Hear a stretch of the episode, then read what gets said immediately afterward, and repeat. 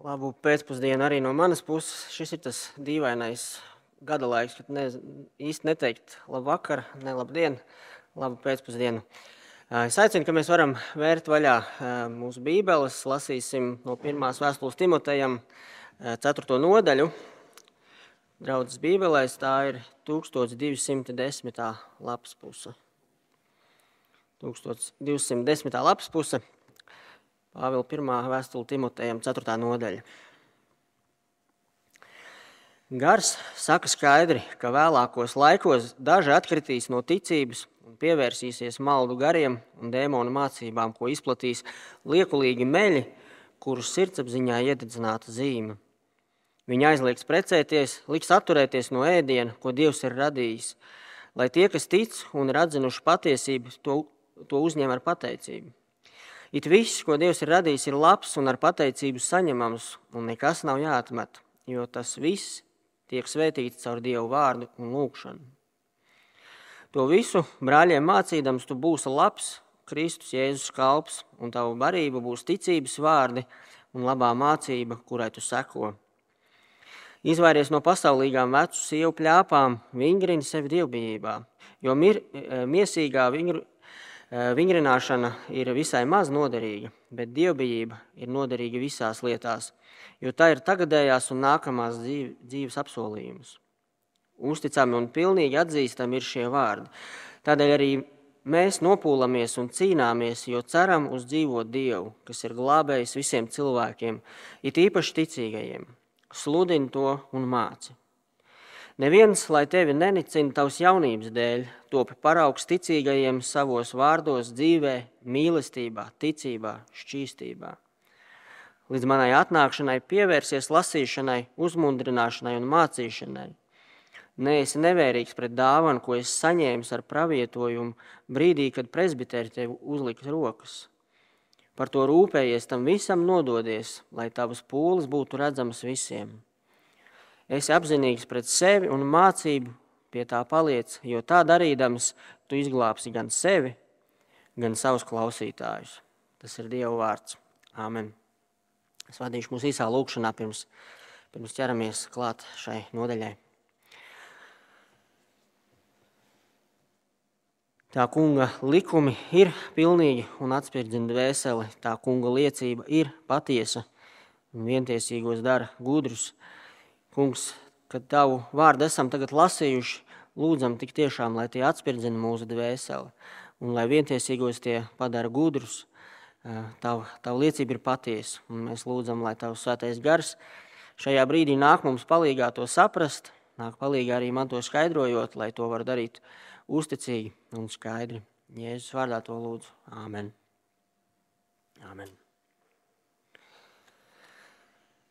Es domāju, es domāju, ka jebkurš dietologs vai treneris, pie kura nāktu ar, ar jautājumu pēc padoma, kā nomest svaru vai kā būt labā fiziskā formā, nu labi, ja ne jebkurš, tad es domāju, lielākā daļa gan šo speciālistu teiktu, ka tam ir vajadzīgi divi svarīgi ingredienti, divas sastāvdaļas, proti fiziskie treniņi un pareizs uzturs vajadzīgi abi. Gan treniņi, gan uzturs. Treniņi ir labi, eh, bet ja joprojām tiek ēst šokolāde un čipsi vai kāds cits ātrais ēdiens, eh, efekts nebūs.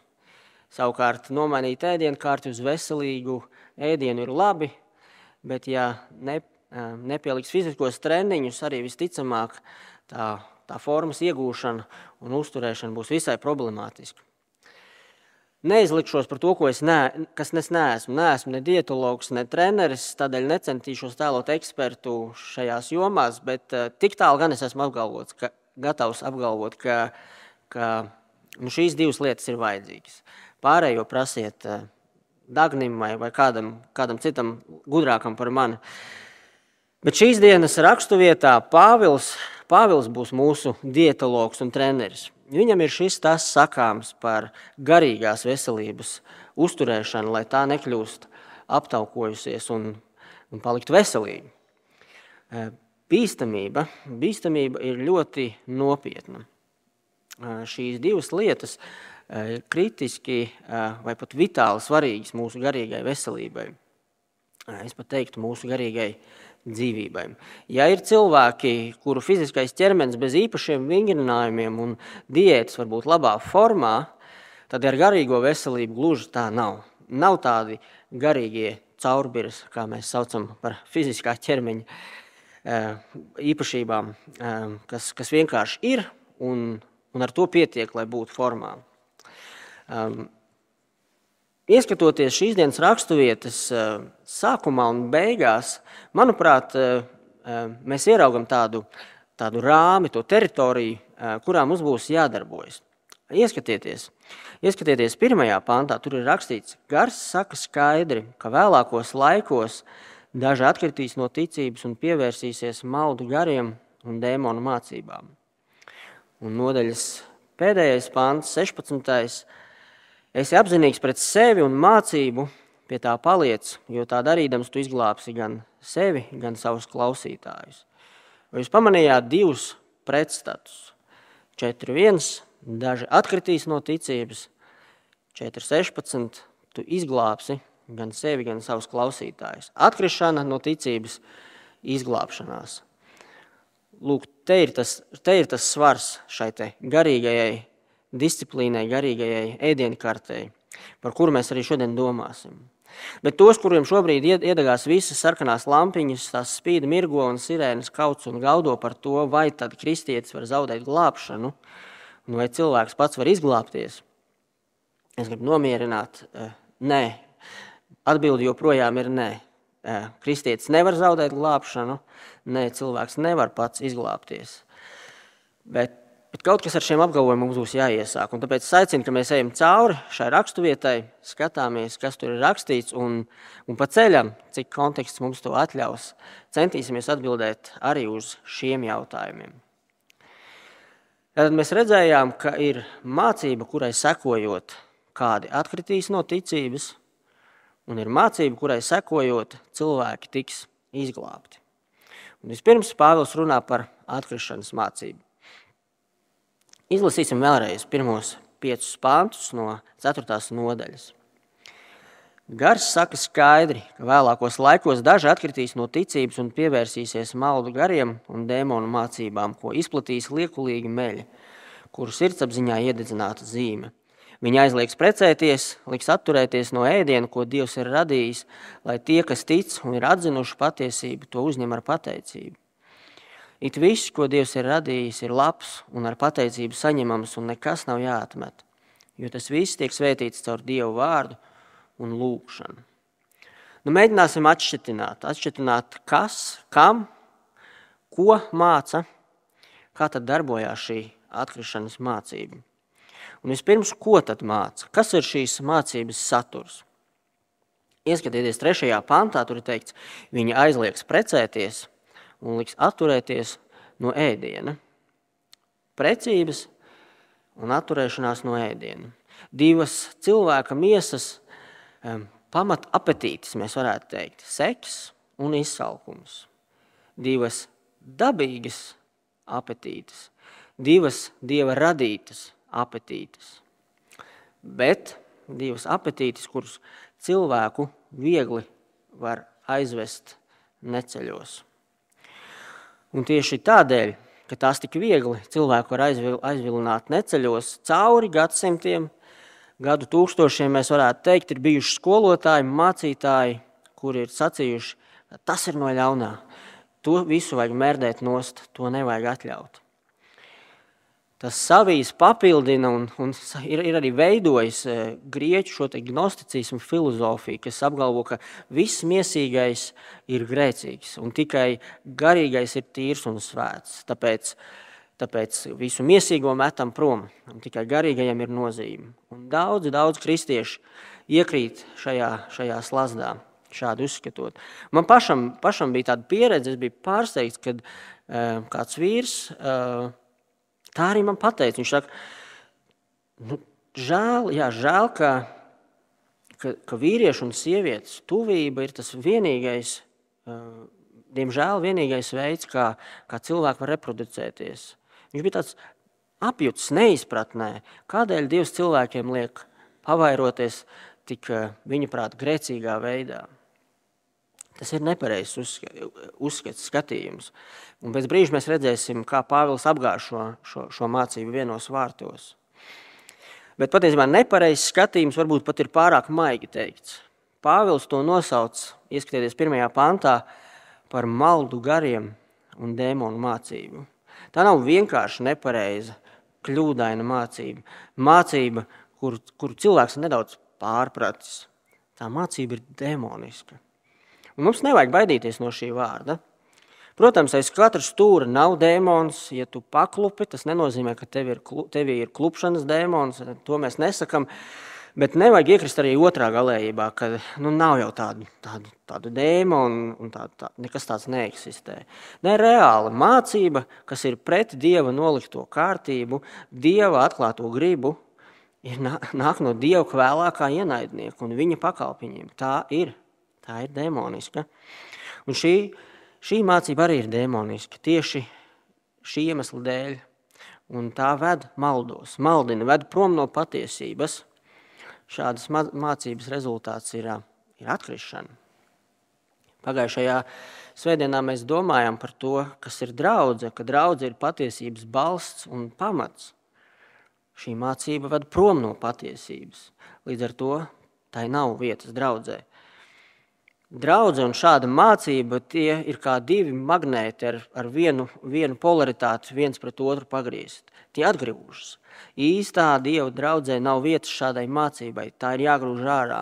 Un tur, kur ir šāda mācība, tur nevar būt īsta draudzība. Bet kas tad ir tie, kas māca šo mācību, šo aplamību? To mēs redzam otrajā pantā. Ieskatieties, Pāvils viņus raksturo, tie ir liekulīgi meļi, kur sirdsapziņā iededzināta zīme. Šī frāze, iededzināta zīme, īstenībā ir interesanti. To var tulkot divējādi, un, un abas e, ir, ir leģitīmi tulkojumi šajā kontekstā. Pirmkārt, tas tulkojums iededzināta zīme vedina domāt, ka viņi ir tā tāds, viņiem ir tāds sātana zīmogs, tāds, nu, ka tie ir viņējie. Un, un, un tas, ir, tas ir ok, tas, tas, ir, tas ir saprotams skaidrojums. Un otrs veids, kā saprast, kas ir šī, šī iededzinātais, ir tā izpratne, ka tas ir um, apdedzināts un padarīts nejūtīgs vai nomērdēts, nedzīvs. Mūsdienās medicīnā taču arī izmanto šādu metodi. Tagad mandelas, cik es zinu, vairs nerauj, bet tās piededzina, ja? lai tās, um, lai tās ir nejūtīgas. Labi, atkal netēlošu ekspertu, bet kaut ko tādu esmu dzirdējis.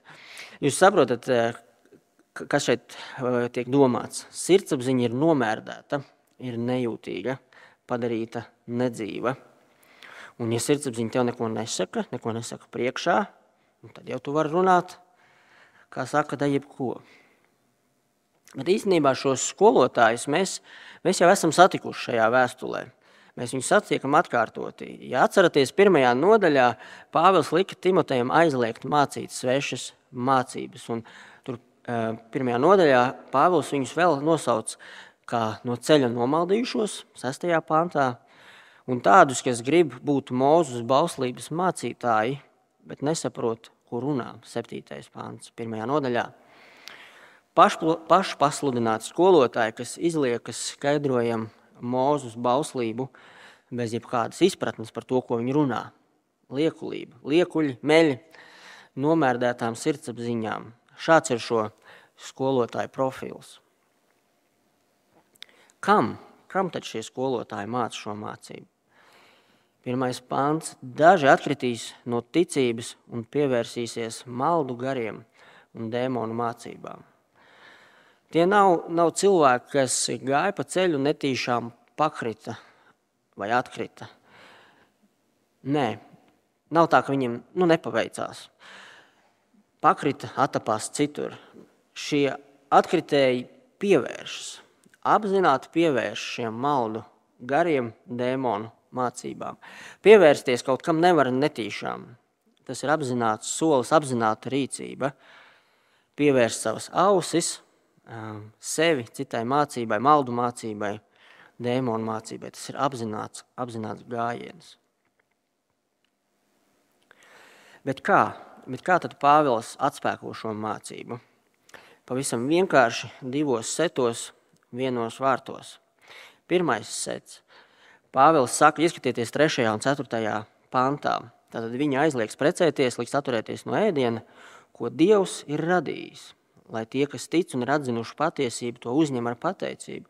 It viss, ko Dievs radījis, ir labs un ar pateicību saņemams, un nekas nav jāatmet. Pāvils, Pāvils atsaucas uz, uz radīšanas notikumu. Dievs radīja abas šīs lietas, laulību, ēdienu, un nosauca tās par, par labu esamu. Un Dievs to radīja ar mērķi, ar mērķi, lai cilvēks to uzņemtu ar prieku un ar pateicību. Pareizi to uzņemot, tur nav nekā grēcīga. Un šeit, protams, ir svarīgi ieraudzīt, ka Pāvils nesaka, ka viss, kas ir, kas pastāv, kas eksistē, ir labs. It viss, ko Dievs radījis, ir labs un ar pateicību saņemams. Mēs zinām, diemžēl, diemžēl pēc radīšanas nāca grēkā krišana, tādēļ mēs nevaram teikt, ka pilnīgi viss, kas uz pasaules ir, ir atrodams, kas eksistē, ir labs.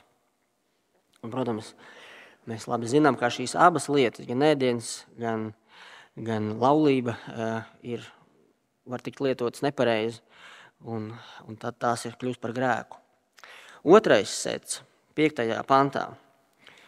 Tas viss tiek svētīts caur Dievu vārdu un lūgšanu.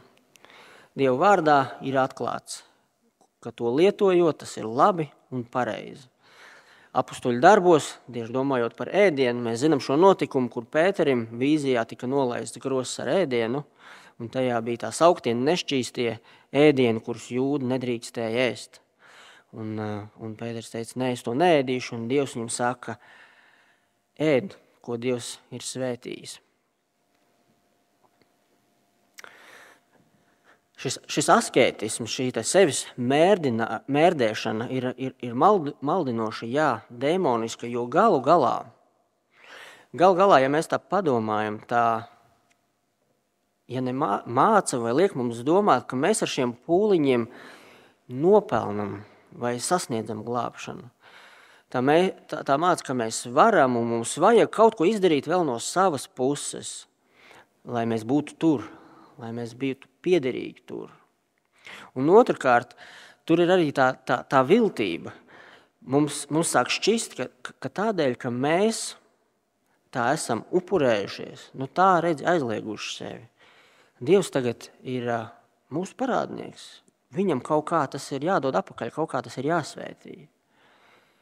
Un tas, diemžēl, arī tik labi rezonē ar mūsu sirds stīgām, kas saka, tu vari, tu vari pats, tu taču esi īsts vīrs, kārtīgi sieva. Tie ir maldi. Tie ir maldi, tā ir demoniska mācība, tā ir atkrišanas mācība. Bet, paldies Dievam, mums ir arī alternatīva. Mums ir mācība, kas ved pie glābšanas. Izlasīsim no 6. līdz 12. pantam. To visu brāļiem mācīdams, tu būsi labs, Kristus Jēzus kalps, un tava barība būs ticības vārdi un labā mācība, kurai tu seko. Izvairies no pasaulīgām vecu sievu pļāpām, vingrini sevi dievbijībā, jo miesīgā vingrināšana ir ma visai maz noderīga, bet dievbijība ir noderīga visās lietās, jo tā ir tagadējās un nākamās dzīves apsolījums. Uzticami un pilnīgi atzīstami ir šie vārdi. Tādēļ mēs arī nopūlamies un cīnāmies, jo ceram uz dzīvo Dievu, kas ir glābējs visiem cilvēkiem, it īpaši ticīgajiem. Sludini to un māci. Neviens, lai tevi nenicina tavs jaunības dēļ, topi paraugs ticīgajiem savos vārdos, dzīvē, mīlestībā, ticībā šķīstībā. Un šeit pie, Pāvils piemin šīs divas darbības, eh, kuras, kuras es pieminēju ievadā - barības uzņemšana un vingrināšanās. Sestajā pantā tā varība būs ticības vārdi un labā mācība, kurai tu seko. Un septītajā pantā vingrini sevi dievbijībā. Varība, tas, ko mēs uzņemam iekšķīgi, vingrināšana, tas, ko mēs darām ārēji. Aplūkosim, ko Pāvils saka par vingrināšanos, jo tas ir pirmais, ko viņš, ko viņš paskaidro. Vispirms es gribu pieminēt septīto pantu. Citos tulkojumos tā pirmā frāze skan izvairieties no pasaulīgiem muļ un muļķīgiem mītiem. Šī frāze vecu sievu pļāps, tas tā kalpo kā ilustrācija, kas paskaidro šos pasaulīgos un muļķīgos mītus. Līdz ar to mēs to teikumu varam lasīt arī šādi izvairies no pasaulīgiem muļķīgiem mītiem, tā vietā vingrina sevi dievbijībā. Pāvils aicina Timoteju vingrināties dievbijībā. Ko tas nozīmē? Acīm redzot, tas nozīmē kaut ko aktīvu, tas nozīmē kaut ko grūtu, iespējams sviedrus prasošu. Ieskaties 12. pantā, tas to dievbijību nedaudz ieliek tādās konkrētās robežās. Um, topi paraugs ticīgajiem savos vārdos, dzīvē, mīlestībā, ticībā, šķīstībā. Būt par paraugu – ko citi uzlūko, citi redz. Vārdos, dzīvē, mīlestībā, ticībā, šķīstībā. Tas, tas nav viegli. Tas prasa lielas pūles. Tas ir pilna laika darbs, mēs varētu teikt. Bet Pāvils saka, tas ir tā vērts.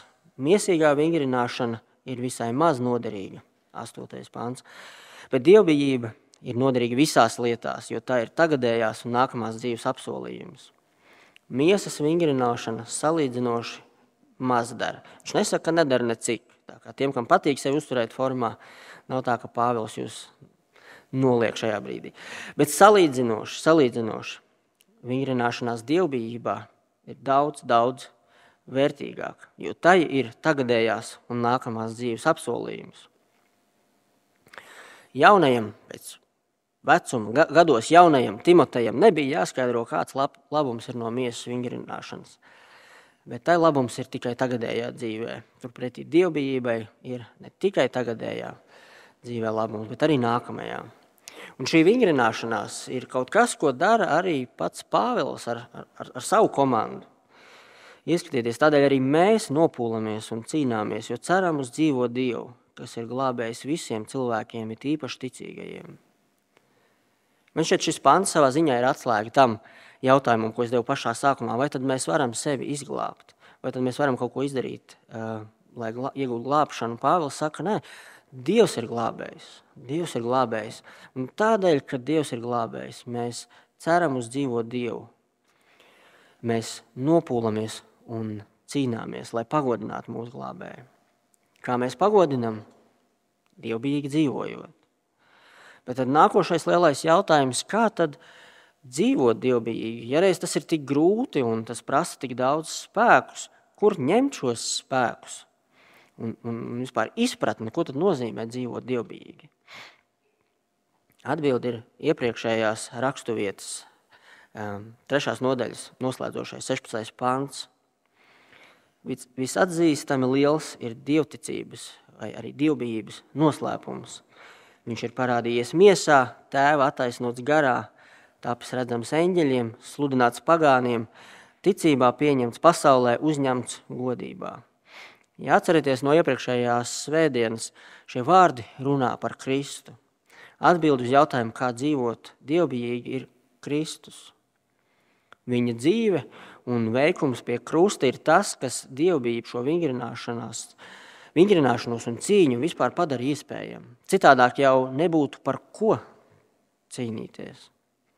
Un tad, kad ir tā sajūta, ka es vairs nevaru, man, man nesanāk, tad Kristus veikums saka, es to jau visu esmu izdarījis. Un tāpēc, ka Kristus to ir izdarījis, tu vari celties un tu vari turpināt. Īsts komentārs par vārdiem Dievs ir glābējis visiem cilvēkiem, it īpaši ticīgajiem. Es pieņemu, ka tur daudziem mums var acis aizķerties un, un, un, un prāts neaiziet tālāk, ko es gribu teikt. Tāpēc jāsaka, ka uz to nav viegli atbildēt. Bībeles komentētājs tas ir nomocījis e, cauri gadsimtiem. Bet viens no labākajiem skaidrojumiem ir tāds, ka tas vārds, kas mums ir tulkots, it īpaši e, dažos kontekstos, dažās situācijās var tulkot arī to kā tas ir, vai precīzāk sakot, tad tas skanētu Dievs ir glābējis visiem, precīzāk sakot, ticīgajiem. Tā ir lab, labākā versija, ko, ko šobrīd es varu, varu sniegt, bet jā, to, to daudziem ir bijis grūti izskaidrot un saprast. Bet, kad mēs domājam par vingrinājumiem, atkal atgriežoties pie vingrinājumiem, mēs taču atkal domājam par disciplīnu. Un mēs domājam par to, ka tas nav viegli un tas prasa sevi aizliegt. Un tajā pat laikā tas nav tas pats, ko maldu mācītāji sākumā, kad mēs lasījām, ko viņi mācīja aizliegt. Kur tad ir atšķirība? Atšķirība ir tajā, ko tu sev aizliedz. Vai tu aizliedz to, ko Dievs ir radījis cilvēkam baudīšanai, Dieva paredzētajā veidā, protams, vai tu aizliedz to, ko tava grēkā kritusī miesa grib, vēlas, grib palaisties slinkumā, nedomāt par Dievu, ļaudie, ļauties, ļaudi, ļauties baudām, barot domas, ka es varu, es varu pats, es varu palīdzēt Dievam, es varu padarīt Dievu par savu parādnieku. Tās lietas mums ir, mums ir jāaizliedz. Tās ir tās lietas, ko prasa vingrināšanās dievbijībā. Tātad pirmkārt, vingrināšanās, vingrinājuma otra lieta, ko Pāvils minēja, ir barība. Katram, kurš trenējas, ir nepieciešama laba barība, labs uzturs. Pāvils saka, ka barība šī gadījumā ir ticības vārdi un labā mācība. Kā šo barību uzņemt? To mēs varam ieraudzīt no 13. panta. Nolasīsim, nolasīsim no 13. panta līdz nodaļas beigām. Līdz manai atnākšanai pievērsies lasīšanai, uzmundrināšanai un mācīšanai. Neesi nevērīgs pret dāvanu, ko es saņēmu ar pravietojumu brīdī, kad presbiteri te uzlika rokas. Par to rūpējies, tam visam nododies, lai tavs pūles būtu redzams visiem. Esi apzinīgs pret sevi un mācību pie tā paliec, jo tā darīdams tu izglābsi gan sevi, gan savus klausītājus. Vispirms lasīšana, uzmundrināšana un mācīšana. Lasīšana, protams, tie ir raksti, eh, Dieva vārds, kas viņiem tajā, tajā laikā bija, bija pieejams. Un, ja lasīšana šķiet eh, saprotam, daudz maz saprotam, kā tas kalpo, kā uzturs, tad kā uzmundrināšana un mācīšana tam kalpo. Un es domāju, ka man piekritīs ik viens svētdienas skolotājs, bībeles studiju vadītājs un, un jebkurš bībeles mācītājs, vai jeb, jebkurš, kas kaut ko ir mācījis, ka pavisam cita uh, lieta ir, ir, ir dzirdēt, klausīties un it kā saprast, pavisam cita, ka tev tas ir jāpaskaidro citam. Un tāpat ir arī ar bībeles lasīšanu pavisam cita izpratne. Lasīšana ir daudz citīgāka, sakarību meklēšana daudz uzmanīgāka, domāšana daudz fokusētāka, pievērsies lasīšanai, uzmundrināšanai un pamācīšanai. Un otra lieta, Pāvils atgādina Timotejam, neesi nevērīgs pret dāvanu, ko tu saņēmi ordinācijas brīdī. Un visticamāk, šeit nav runa par apsveikumu daļu ordinācijas dievkalpojumā, kur katrs ciemiņš var, var izpausties ar savu radošumu, dāvanas izvēlē un prezentācijā vai tas būtu gan spieķis vai tālskatis savu ganām pulku pāraudzīšanai vai, vai vēl kas cits. Visticamāk runa šeit ir par garīgu dāvanu, ko Timotejs ir saņēmis no Dieva. To arī apstiprina Pāvila otrā vēstule Timotejam. Pirmā no nodaļā sastajā pantā viņš Pāvils raksta, šī da, iemesla dēļ es tev atgādinu, lai tu no jauna liec sevi iekvēloties dievišķajam dāvinājumam, kas tev ir dots ar manu roku uzlikšanu. Šī dāvana, ko Timotejs saņēma, nav nosaukta vārdā, bet, eh, manuprāt, ir divi varianti. Vai nu tas bija kaut kas pats par sevi saprotams, ka tas nav jāpiemina, vai tas bija kaut kāds liels noslēpums. Bet es domāju, ka tas varētu būt drīzāk tas pirmais. Tā visticamāk varētu būt eh, saistīta ar eh, draudzes mācīšanu un pārvaldīšanu, vadīšanu. Neatstāj to novārtā. Eh, otrā vēstule saka, eh, lietas tai iekvēloties sevī. Un tad eh, nodaļas noslēdzošajos pantos ir šādi tie tā īsās frāzes par to rūpējies, visam tam nododies, pie tā paliec. Šeit tās liecina, ka Timotejam nav jāizdomā kaut kas jauns. Viņam viss jau ir dots, viņam viss jau ir zināms. Viss, kas viņam ir jādara, ir jāpieaug šajās lietās. Jāgādā, lai būtu redzams progress. Vingrinoties un uzņemot pareizu barību, ir jābūt progresam, vai ne tā? Svaru zālē nav jēgas ņemt vieglākas hanteles nekā esi lietojis pirms mēneša, lai tev būtu vieglāk un ērtāk. Nē, tāds nav mērķis iet uz svaru zāli, vai ne? Nu labi, runāts ir, domāts ir, dzirdēts ir, bet, bet es neesmu Timotejs. Es neesmu draudzes vecais, man neviens nav rokas virsū līdz ordinējot. Ko tad man šis? Lai tad mūsu tie draudzes Timoteji tur māca, un tad jau redzēs, cik labi būs mācījuši, vai ne? Es piekrītu, ka pastorālās vēstules, kas ir adresētas konkrētam vienam cilvēkam, turklāt draudzes vadītājiem, ir jāpielieto uzmanīgi. Ja tur ir rakstīts sludini to, tas nenozīmē, ka burtiski mums jāmeklē kāda brīva kancele un jā, jāskrien tur sludināt. Bet šos vārdus rakstot, Pāvils saka, 6. pantā, to visu brāļiem mācīdams, tu būsi labs Kristus Jēzus kalps. Kalps tas ir tas vārds diakons, proti, kalpotājs. Bet Timotejs taču ir draudzes vecais. Atcerieties, pirms dažām svētdienām mēs domājām no šīs vēstules par šiem diviem amatiem. Bīskaps vai presbiters vai vecais, tie ir kā sinonīmi, un diakons. Timotejs bija bīskaps, bet Pāvils saka, tu būsi labs diakons. Kas notiek? Visticamāk, Pāvils rakstu, raksturo un šeit runā nevis par amatu, draudzes kalps, apmaksāts vai ordinēts vai, vai, vai kāds draudzes darbinieks, bet gan vienkārši par draudzes kalpotāju. Ikvienu draudzes darboni līdz ar to. Ikvienam kristietim ir jārūpējas par pareizu savu garīgu uzturu un pareiziem vingrinājumiem. Tā darīdams, tu izglābsi gan sevi, gan savus klausītājus. Šīs raksturvietas noslēdzošie panti. Timotejam nevajag glābt sevi. Pāvils jau vēstules ievadā ir pateicis, ka Timotejs ir viņa dēls ticībā. Timotejs jau ir izglābts. Līdz ar to tas nenozīmē, ka viņš varētu pats sevi izglābt, vai ka mēs varam izglābt paši sevi vai kādu citu. Tas nozīmē, ka mēs no savas puses darām visu iespējamo, lai paliktu uzticīgi Dievam. Pirms kādiem gadiem eh, kristīgo pasauli pāršauca ziņa, ka kāds pazīstams autors, viņš sarakstīs to grāmatu ar Dievs randiņiem, kas, kas pirms gadiem bija ļoti, ļoti populāra. Šis autors un mācītājs ir atkritis no ticības. Viņš publiski to paziņoja. Un kādā konferencē mācītājiem Džonam Paiperam jautāja kaut kādu komentāru par šo situāciju un, un ko mēs varam darīt, ko mēs varam darīt, lai tas nenotiek ar mums. Un viņa atbild bija aptuveni šāda. Kamēr es esmu pie ticības, ne jau ar domu, ka katrs atkritīs, bet ja reiz šobrīd es esmu pie ticības, es gribu gremdēties, mērkties Dieva vārdā, cik tas ir iespējams, lai es paliktu labajā mācībā lai es būtu piesātināts un pārsātināts ar evaņģēliju. Un tādā izpratnē mēs varam izglābt sevi un savus klausītājus, dodot sev un cilvēkiem mums apkārt evaņģēliju vēl un vēl.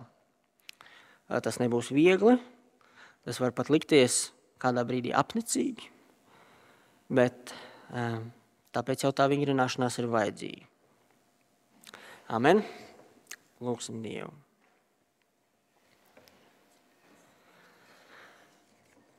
Mūsu labais debes Tēvs, paldies, paldies Tev par labo vēstu evaņģēlīju, caur, caur kuru pasludināšanu Tu glābi cilvēkus. Lūdzu, esi žēlīgs, ka šī, šī vienkāršā vēsts par, par Kristu un viņa krusta nāvi, kuru mēs dzird, dzirdam gadu no gada, jau, jau, jau no svētdienas skolas, lai tā nekad nekļūtu mums pierasta, pašsaprotama, apnicīga, un ka tādēļ mēs nesāktu meklēt vēl kādus apslēptos dziļumus, kas beigās var izrādīties sātana dziļumi. Lūdzu, dod mums spēku cīnīties, vingrināties dievbijībā un uzņemt ticības vārdus un labo vēsti. Lūdzu, palīdzi mums Jēzus vārdā un viņa nopelnu dēļ mēs to vispār varam lūgt un lūdzam. Āmen!